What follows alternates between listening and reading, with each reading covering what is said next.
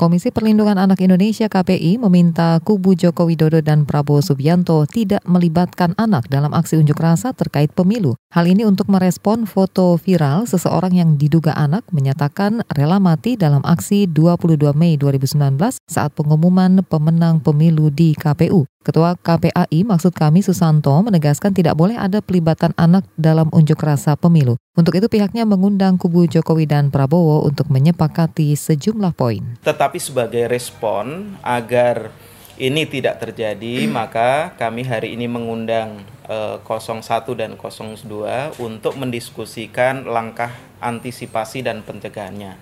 Alhamdulillah hari ini disepakati ada tujuh poin yang disepakati bersama antara 01, eh, 02, dan eh, KPAI. Dalam tujuh poin tersebut, dua kubu sepakat tak melakukan indoktrinasi dan hasutan kepada anak untuk melakukan tindakan melawan hukum. Selain itu, ditekankan agar tokoh agama dan masyarakat mencegah pelibatan anak dalam kegiatan politik.